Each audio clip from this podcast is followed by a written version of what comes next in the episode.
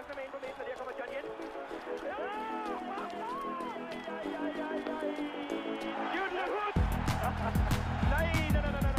Jeg oplevede det allermest dengang, jeg kom til U14, hvor jeg blev skadet i en lang periode. Og da jeg kom tilbage igen, var jeg ikke på hold, fordi min plads var blevet taget, og jeg skulle kæmpe mig op igen. Det gjorde jeg så, og jeg kom på U15, startede inden der, men så blev jeg skadet igen, og så blev min plads taget fra mig igen, og jeg skulle kæmpe igen. Og så blev jeg skadet igen som U17, og så gad jeg ikke mere.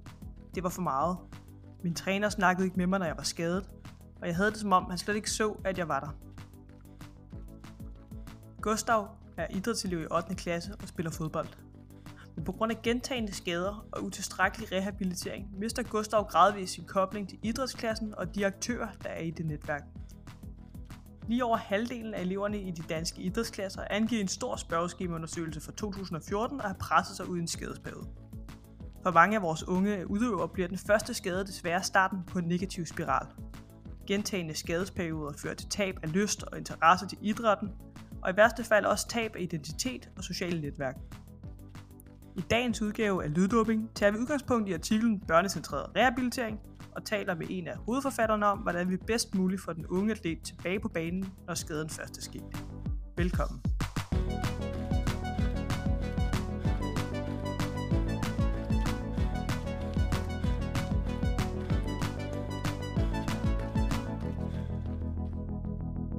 Med på telefonen i dag har vi Lotte Skrubeltrang, som er første forfatter til denne måneds artikel i Dansk Sportsmedicin. Lotte er adjunkt ved Institut for Idræt og Sundhedsteknologi ved Aalborg Universitet og har forfattet en Ph.D.-afhandling i sportssociologi, hvor hun beskriver mødet mellem talentudvikling til eliteidræt og den danske folkeskole i Team Danmark støttede idrætsklasser. Men inden du får lov til at fortælle om, hvordan vi bedst muligt får den unge atlet med idrætsskade, ligesom Gustav i introen, tilbage til idrætten og det sociale miljø, så skal vi lære dig lidt bedre at kende. Ja. Lotte, hvornår var sidste gang, du var virkelig ærgerlig over at tabe i sport? Øhm, altså, nu er jeg øh, nok det, man kunne kalde for sådan en notorisk øh, dårlig taber. Øh, til gengæld så har jeg stået rigtig meget med en, øh, med en skulderskade, så det er mange år siden, jeg sådan har været aktiv i konkurrencesport. Øh, så, så mm, jeg må nok sige, at sådan sidste gang, der står meget tydeligt i min øh, hukommelse, var øh, ikke i decideret sport, men vikingspil på stranden mod min store søster, øh, hvor vi begge to har været godt stykke over 20, og vi kommer op øh, til vores sommerhus, og vores mor siger til os, at hvis ikke vi kan finde ud af at spille, så, som, altså hvis ikke vi kan, hvis ikke vi kan øh, enes, så, så, vi simpelthen, så tager hun spillet fra os. Øh, og det kan man sige, vi, jeg, jeg tror, jeg har været 23 på det tidspunkt. Øh, så det var ikke noget stolt øjeblik, men måske meget, meget god indikation af, hvorfor jeg har skruet lidt ned for konkurrenceidræt. Heldigvis er det ikke øh, kongespil, du arbejder videre med, men en artikel omhandlende rehabilitering af børn efter idrætsskade. Der er sikkert flere af vores lyttere, som ikke har læst jeres artikel endnu, så øh, kan du på 30 sekunder fortælle, hvorfor en hver idrætsskade behandler, træner eller udøver med fordel bør gå ind på DSM og læse artiklen. On your marks. Get set. Øh, jamen, så vil jeg sige, at man skal læse den her artikel, hvis man er interesseret i at se, hvad der kan ske, hvis man øh, sammensætter et hold af forfattere, som øh, kommer med idrætspsykologisk, sociologisk og mere sådan klinisk baggrund i et forsøg på at komme med en løsning på, hvordan man kan skabe bedre rehabilitering for, for børn og unge ved at sætte barnet i centrum og tænke ud fra øh, tre forskellige tilgange i børnerehabilitering, at man fokuserer på legeorienterede aktiviteter, at man tænker på at fokusere på interpersonelle relationer ved at inddrage barnets nærmeste, og ved i højere grad at skabe sammenhæng mellem øh, barnets idrætskontekst og behandling i et forsøg på at sikre, at barnet kommer godt tilbage efter en skade. Uh, let's get ready to rumble! Allerførst, Lotte, kan du give os et øh, indblik i, hvad er børnecentreret rehabilitering, og hvorfor har I fokus på lige præcis det her område? Jamen, det vi har valgt at sige med børnecentreret rehabilitering, det er, vi ved godt, eller der er rigtig meget forskning, som peger på, hvad der er de hensigtsmæssige øvelser at lave for at imødekomme forskellige former for skader. Det vi bare, det som øh, den ene af vores øh, med, øh, medforfatter, Michael Ratliff, han har sagt, det er, hvis ikke de laver øvelserne, så er det måske ikke den rigtige tilgang, når det kommer til stykket. Og en af årsagerne til det kan være, at meget af den forskning, som vi bygger på, bygger rehabiliterings øh, tilgang til, på, det er ud fra et voksenperspektiv. Men børn er ikke små voksne. De er deres egen øh, målgruppe, og måske er der behov for at tænke anderledes omkring den måde, vi tilrettelægger re- rehabilitering for netop dem. Øhm, og det er det, vi så forsøger at komme med, øh, med et bud på i den her artikel, hvor vi har øh, trukket fra forskellige øh, fagligheder fra idrætspsykologien, øh, det idrætspsykologiske område, som, som det jeg har arbejdet med, og så, øh, øh, og så fra, fra det mere sådan kliniske perspektiv, som det Michaels forskning har, øh, har repræsenteret, kombineret med øh, den sidste forfatter, øh, Sines fokus på børnerettigheder, hvor det gælder om at sætte barnet i, i centrum. Så som forfatterteam, der har I faktisk til sammen lige så mange forskellige uddannelser som ministeren, der engang indførte et nu fordomsuddannelsesloft. Med baggrund i henholdsvis sportspsykologi, fysiologi, antropologi og sociologi, der fagner I som gruppe virkelig bredt. Hvordan fandt I egentlig sammen, og hvordan opstod ideen til projektet? Jamen, altså man kan sige, ideen til projektet opstår sådan set, fordi vi hver især øh, har haft lidt forskellige øh, snitflader, når det kommer til øh, idrætsskader. I min PhD om, øh, om, øh, om idrætsklasserne, der, der så jeg, at det faktisk fyldte rigtig meget for de her unge talenter, øh, og at jeg lavede et, øh, et studie sammen med to forskere fra Aarhus Universitet, øh, hvor 51% af de her øh, unge i eliteidrætsklasser, på det tidspunkt, øh, der var der 51% af dem, der rapporterede, at de på et tidspunkt undervejs havde, øh, havde presset sig selv så meget, at de var blevet skadet, mens de har gået i de her idrætsklasser. Så det, er sådan, det var sådan lidt min indgangsvinkel. Det var, der går nok mange, der bliver ramt af det. Og når jeg interviewede de, de her, øh, de her unge, øh, unge atleter, jamen så, øh, så talte de ofte om det at stå uden for fællesskabet, eller øh, nogle af dem at miste identitet, når de blev skadet. Så, så det var sådan min, min indgang til den. Det var, at, at jeg havde set det i min forskning. Så har vi øh, Nils, som med den idrætspsykologiske øh, baggrund, og som også arbejder som idrætspsykologisk konsulent, har haft øh, flere samtaler også med unge atleter, som, som har oplevet udfordringer ved at være skadet. Øh, så har vi Michael, som, som har arbejdet indgående med det i forhold til øh, studier af børn og unge med, med non-traumatiske knæskader. Øh, og så har vi Signe, som, øh, som har et fokus på Øh, også på, på børnerettigheder, og se på, hvordan er det, man sikrer, at det, det altid er barnets tag. Så vi har ligesom haft forskellige snitflader. Og da vi så sidder til et, øh, til et øh, vi er hver især inde og skal holde oplæg til et, øh, øh, på, på et phd seminar jamen så står det sådan set klart for os, at vi hver især angriber en, en lignende problemstilling fra forskellige vinkler, men der er ikke rigtig nogen af os, som har den gode løsning. Øh, og så kommer vi til at snakke om, måske kan vi finde en, en i hvert fald, om ikke, om ikke andet, en bedre løsning i fællesskab, øh, hvis vi benytter den viden, vi hver især kan, kan bidrage med fra det felt og, øh, og den, det, det forskningsområde, som vi nu har. Øh, for ligesom at løsne op for, for den her udfordring. Så det er sådan set der, hvor vores, øh, hvor vores baggrund sådan, øh, og ideen til det, det, det kommer. Det er øh, ud fra sådan et, et fælles, fælles ønske om øh, at finde den gode vej gennem, øh, gennem de her idrætsskader for, for børn og unge. Og hvilke tilgang er det så, I sammen har fundet frem til, er, er bedst at benytte i rehabiliteringen af børneskader? Jamen, vi peger, på, vi peger på tre tilgange, og det skal jo siges, det er tilgange, som i høj grad er, øh, er inspireret af de ting, vi har set øh, i, i, vores, i vores forskningsområder, og de ting, som vi har, øh, altså de erfaringer, vi har, vi har gjort os undervejs. Og vi, vi, øh, vi peger på, at det ene er en, en lejende tilgang, øh, så peger vi på interpersonelle relationer, øh, altså at man skal, hvordan man kan inddrage barnets nærmeste, øh, og så peger vi på en, at skabe en sammenhæng mellem den idrætskontekst, som, øh, som barnet er i til daglig, og så selve behandlingen, sådan så at barnet stadigvæk har en følelse af at være øh, med på holdet, selvom det i, i øjeblikket måske er skadet. Øh, det er sådan meget, meget kort skitseret, og det vi så forsøger på i, øh, i artiklen, det er at komme med nogle eksempler på, hvordan man så kan gå omkring det.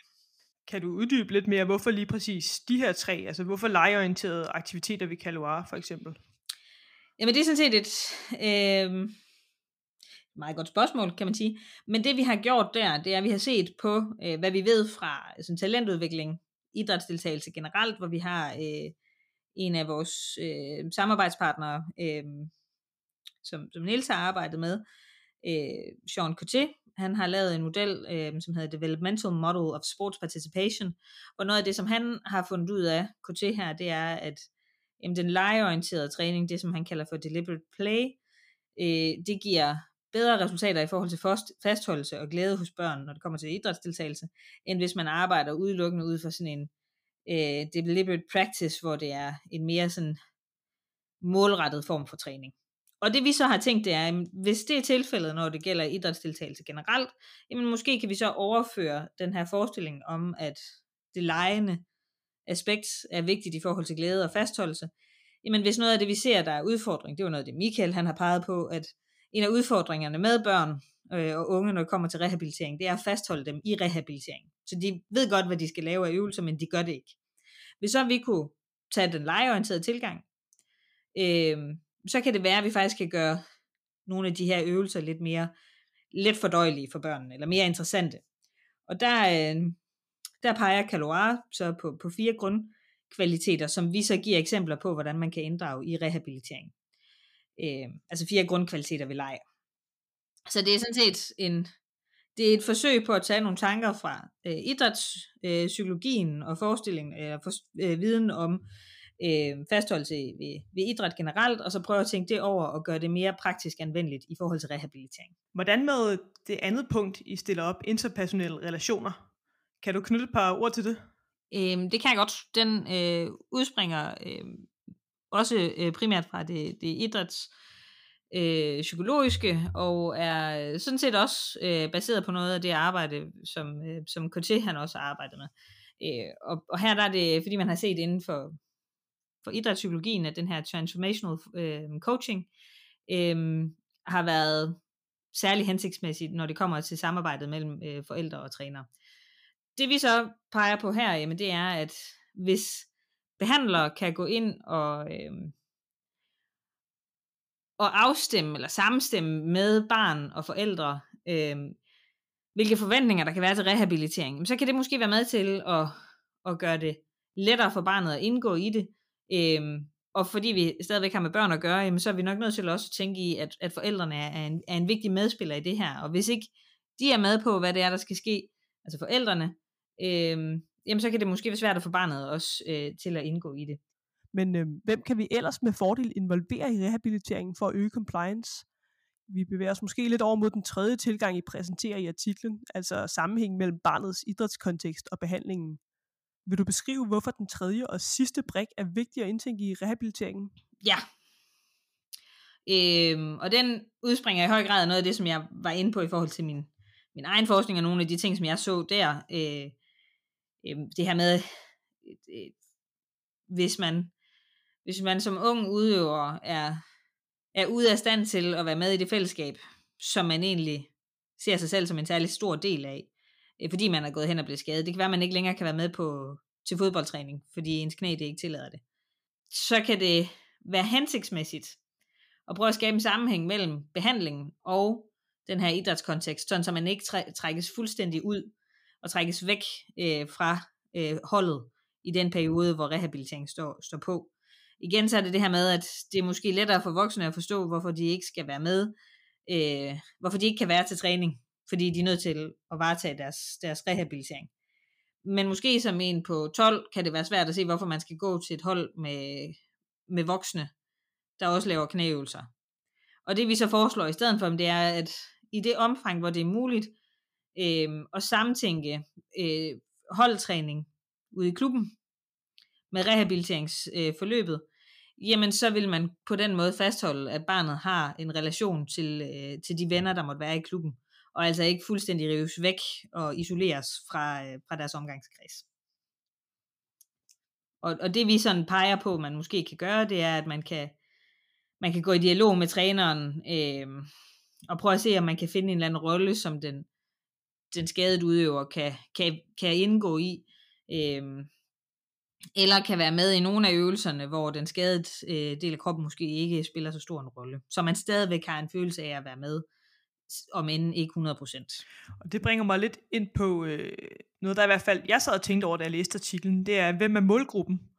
Altså, hvor er vi cirka aldersmæssigt, og er det elite, eller er det bredden? Aldersmæssigt, så kan man sige, det vil nok være et sted fra sådan 10 år og op efter. Øh, det kan sagtens være yngre, øh, men vi har sådan sat, sat det lidt som, som sådan 10 til 10 til 18 nok, hvis vi tager det. Og der kan være kæmpe store forskel på, hvordan en på 10 skal håndteres, og hvordan en på 18 skal håndteres. Men det betyder ikke, at nogle af de her tilgange ikke stadigvæk kan være relevante at tænke ind i, i rehabilitering. Øhm, og så kan man sige, om det er bredde eller elite, det tænker jeg ikke i udgangspunktet er super afgørende. Jeg har set i min forskning primært på eliteidræt, øh, og har derfor øh, set nogle af konsekvenserne, det kan have for de her unge, øh, unge talenter, hvis de går hen og bliver skadet. Så derfor så er min, øh, min indgangsvinkel selvfølgelig også været, at, at det skal vi forholde os til. Men samtidig så kan man sige, hvis, hvis det som var, var tilgangen fra Michael, det var, at han oplevede rigtig mange, øh, med, øh, som også var bredde øh, udøver med, med de her øh, non-traumatiske knæsmerter, som han har arbejdet meget med, jamen så er behovet jo også til stede for, for bredden. Og så er der måske i særdeleshed, fordi det nok vil ramme mange flere, øh, et behov for også at tænke anderledes omkring den måde, man går omkring det. Så, så jeg vil ikke sige, at man kan, man kan sige, at det kun relaterer sig til eliten, eller kun relaterer sig til bredden. Fordi afsavnet fra et barn, der ikke kan øh, dyrke idræt med sine venner, kan være lige stort, om det er, er et elite eller et bredt barn. Ja, altså alt andet lige må man jo sige, at jo større målgruppe, desto større er behovet for at tilrettelægge rehabilitering. Jeg sad faktisk inden vores interview og søgte netop på, hvor mange børn det egentlig drejer sig om. Og her der fandt jeg belæg for, at omkring 20% svarende til knap 110.000 danske børn mellem 7 og 15 år i løbet af et år er ude med en idrætsskade. Og bemærkelsesværdigt så er idrætsskadeprocenten, i hvert fald i pågældende studie, omkring 20%, uanset om man ser på dem, der er regelmæssigt aktive eller alle børn. Dataen her det er fra idrætsskaderapporten, udarbejdet af Run Safe og Idrættens Analyseinstitut tilbage i 16. Og til den interesserede lytter, der skal vi nok få tilføjet link til undersøgelsen i podcastbeskrivelsen. Men til trods for, at idrætsskader blandt børn, som du selv siger, Lotte, også er et problem i idrætten, så indleder I alligevel artiklen med at skrive, at den høje skadesfrekvens blandt børn kan tilskrives en stigende resultatorientering, øget træningsmængder og ikke mindst tidligere specialisering. Den indledning den rejser i hvert fald hos mig flere spørgsmål, fordi ser vi en tidligere specialisering i dansk børneidræt, og medfører tidligere specialisering alligevel flere eller måske mere konsekvenstunge skader hos den unge eliteatlet. Jeg fik stillet dobbelt spørgsmål, så lad os starte med det første. Ser vi rent historisk en tendens til tidligere specialisering i eliteidrætten? Frem mod vi fik etableret Team Danmark tilbage i øh, 84, øh, der var der nogle forskellige diskussioner om, hvorvidt man skulle give eliteidrætten en eller anden form for særstatus, om vi skulle have en eliteidrætslov. Og noget af det, som, som blev diskuteret, det var, at det er nødvendigt. Og på det her tidspunkt, der, der har man oplevet et, en nedgang i øh, de gode resultater. Øh, det vil sige, det var altså sværere for de danske øh, eliteudøvere at være med øh, i den internationale elite. Og der var en del øh, som ikke deltog, fordi de kunne ikke få det til at hænge sammen med deres privatliv. Og så fandt man frem til, at Danmark skulle være det bedste, det, det sted i verden, hvor det var bedst at dyrke eliteidræt, og at det skulle ske på social og samfundsmæssigt forsvarlig vis. Og i det, der lå der også, at det var vigtigt, at man ikke startede for tidligt. Så på det her tidspunkt, der vælger man at sætte en aldersgrænse for, hvornår man sådan begynder at tænke eliteidræt og talentudvikling. Øhm, og den sætter man til 15 år. Og det er sådan set okay, indtil at man i 2004 tænker, nu er vi nødt til ligesom at, at tage en snak om, om det stadigvæk er, er hensigtsmæssigt, det der foregår. Og det som, der bliver også udformet en betænkning frem mod, øh, frem mod den her revidering af eliteidrætsloven tilbage i 4. Og der kommer man frem til, at det er simpelthen for sent at starte med øh, den, øh, den mere sådan organiserede talentudvikling øh, fra 15-årsalderen. Så man sænker alderen til 12, Øh, og det gør man af flere forskellige årsager. Den ene årsag er, at de siger, at det foregår allerede. Så ved at man sænker det til 12, så giver man også Team Danmark mulighed for at skabe et større overblik over, hvad det er, der foregår, og sikre, at det faktisk lever op til det her med, at det foregår på social og samfundsmæssig forsvarlig vis. Øhm, noget af det, det så medfører, hvis vi sådan tænker det ind i, i, i relation til min forskning, jamen det er så, at man får mulighed for at etablere de her øh, idrætsklasser i folkeskolen, hvor man som talentfuld idrætsudøver kan søge om optagelse, og så få mulighed for mere fleksible træning, øh, hvad hedder det, øhm, skoledage, og øh, ugentlige morgentræninger, sådan, så man faktisk får lidt mere fleksibilitet, øh, fleksibilitet ind i sin hverdag, end, end det der ellers havde været, øh, været kutume før. Og alt det her er jo for at give udøverne bedre mulighed for at dyrke deres, deres idræt. En måske utilsigtet konsekvens af det, det er, at hvis du skal søge om optagelse til de, til de her øh, klasser i folkeskolen, de går fra 7. til 9. Det er, så søger du ofte i foråret, øh, hvor du går i 6. klasse. Så der er du de her 12 år cirka. Og hvis du skal klare kottet for at komme ind, fordi det faktisk også bliver ret populært, jamen så kræver det, at du har været i gang tidligt, og du har været specialiseret tidligt. Øh, man ser også inden for fodbold, at man har lavet sådan nogle topcentre, hvor det er, man, man samler spillere ned til, ned til 10-årsalderen øh, øh, rundt om i landet. Så, så der sker en der sker, der sker et skifte i, hvor meget man, altså mange forskellige idrætsgrene man dyrker, i hvert fald hvis det bliver mere sådan konkurrenceorienteret, og hvor tidligt man starter ud.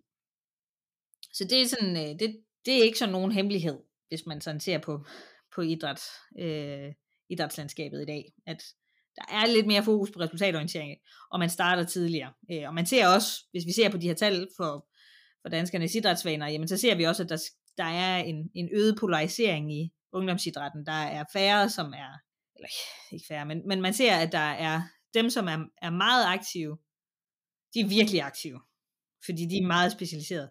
Til gengæld så ser vi også færre, som er aktive. Så der sker sådan en polarisering. Kan man forestille sig, at idrætsklasserne kan have en beskyttende funktion? Både forebyggende i forhold til at give grundtræningen, så skaderne ikke opstår, men også støttende, når skaden først er sket. I og med ens klassekammerater, de må have en forståelse for det afsavn, man har under skadesperioden. Ja, og det, og det, er, også, det er også rigtigt. Øh, det taler lidt ind igen i den her med, øh, ja, altså hvilke udfordringer der kan være ved den her Altså vi kommer nemt til så at tale om den tidligere og den, den lidt mere sådan sene specialisering. Øh, og man kan sige udfordringen ved, og jeg vil igen vende tilbage til det, som, som jeg sådan, også i min afhandling omtaler lidt som den utilsigtede konsekvens af det her, det er, at i rigtig mange af dem, jeg talte med, også dem, som var skadet, det var, at, at egentlig så var det rigtig rart, at der var forståelse for de andre. Det var, det var dejligt at være i et øh, fællesskab, hvor man ikke skulle undskylde, at man ikke kunne komme til øh, fødselsdag i weekenden, øh, men at der ligesom var forståelse for, at man var nødt til at prioritere sin træning, eller at man skulle til stævne, øh, og man kunne ikke lige mødes efter skole, fordi man skulle videre til træning. Det var der ligesom øh, i de her idrætsklasser en forståelse for. Udfordringen er så bare, at hvis du så går hen og bliver skadet, så har du lagt rigtig meget, så du, ja, du har ligesom puttet alle æg i en øh, kurv, om man vil.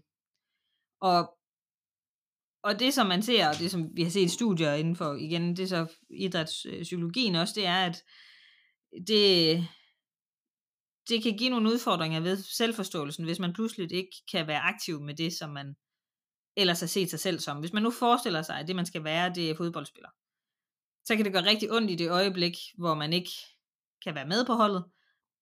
Man kan ikke længere spille fodbold, øh, fordi man er skadet. Øh, og samtidig så er det også det der med, at det er også sådan, man bliver mødt af andre, så hvis du pludselig ikke er fodboldspilleren, hvem er du så, hvis, hvis hele, din, hele din identitet bliver bygget op omkring det? Øh, og der kan man sige, der, det er så der, hvor, nu spurgte du indledningsvis til, om det er rettet mod, øh, rettet mod bredde eller elite, og man kan sige, konsekvenserne for eliteudøveren, der bliver skadet, kan måske være den her tab af identitet, udfordringen også for bredt udøveren kan være, hvis vi hele tiden specialiserer og skubber på tidligere, jamen så kan det jo også være, så, altså, så skubber man egentlig alle lidt i en retning af, at man skal være på en bestemt måde, og muligheden for at se sig selv som noget andet, skulle det ske, øh, at, at man blev skadet, den bliver sværere. Har I gjort jer nogle tanker om, hvordan I rent praktisk vil kunne implementere det, når man nu netop spænder så vidt øh, og, og bredt som, som fra eliteidrætsudøver til, øh, til bredde idræt. Når vi nu sådan tænker den her lejende tilgang i øvelserne, så er det jo lige så meget, fordi vi tænker, at øvelserne generelt måske kan gøres mere spiselige, når vi taler børn. Øh, så der kommer flere aspekter ind der. Øh, og det, altså det skal jo så også siges, det er jo ikke sådan, at vi siger, at det her det foregår i forvejen.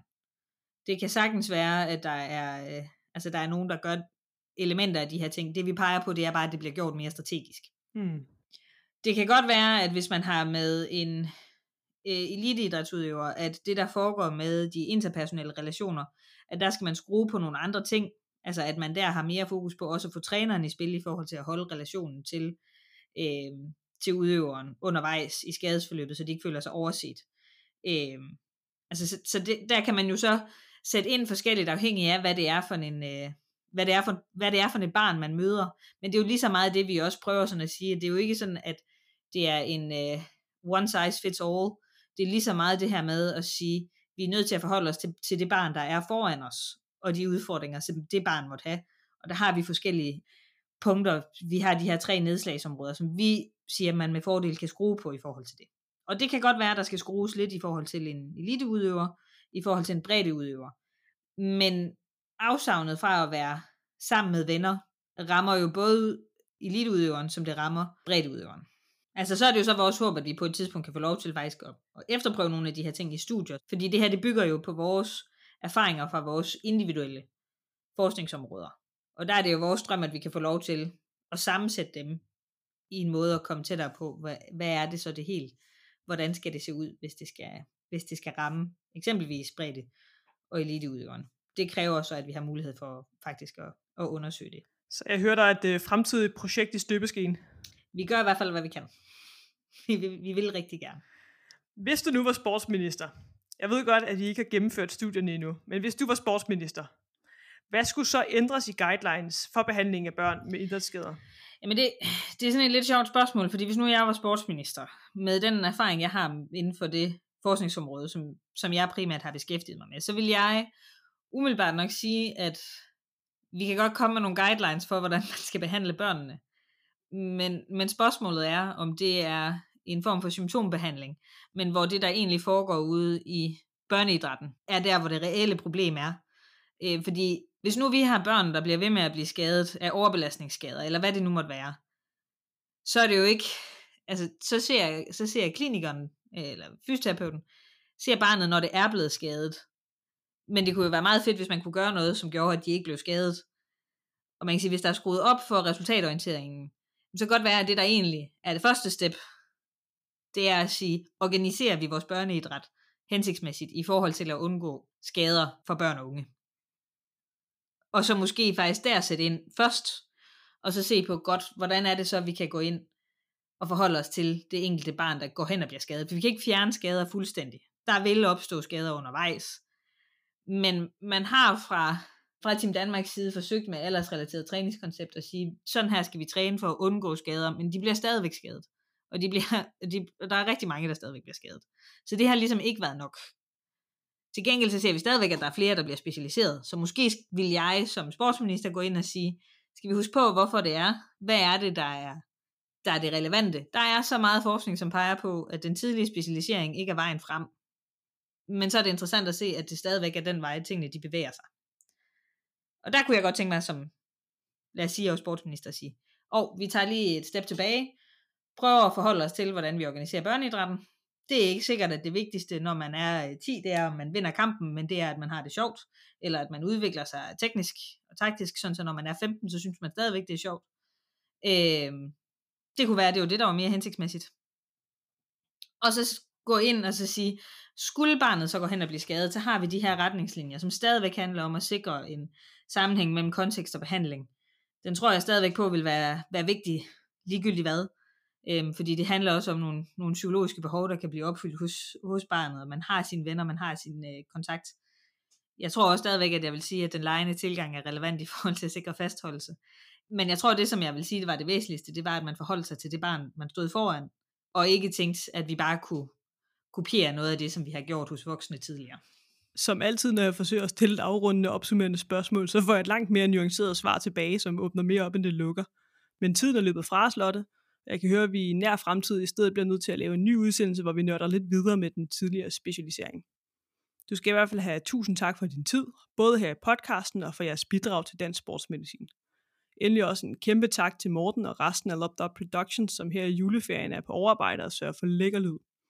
Husk, at I kan subscribe på Dansk Sportsmedicin via link på vores hjemmeside, så I automatisk en gang i måneden modtager en nyhedsmail, der samler både artikel, podcast og infografik.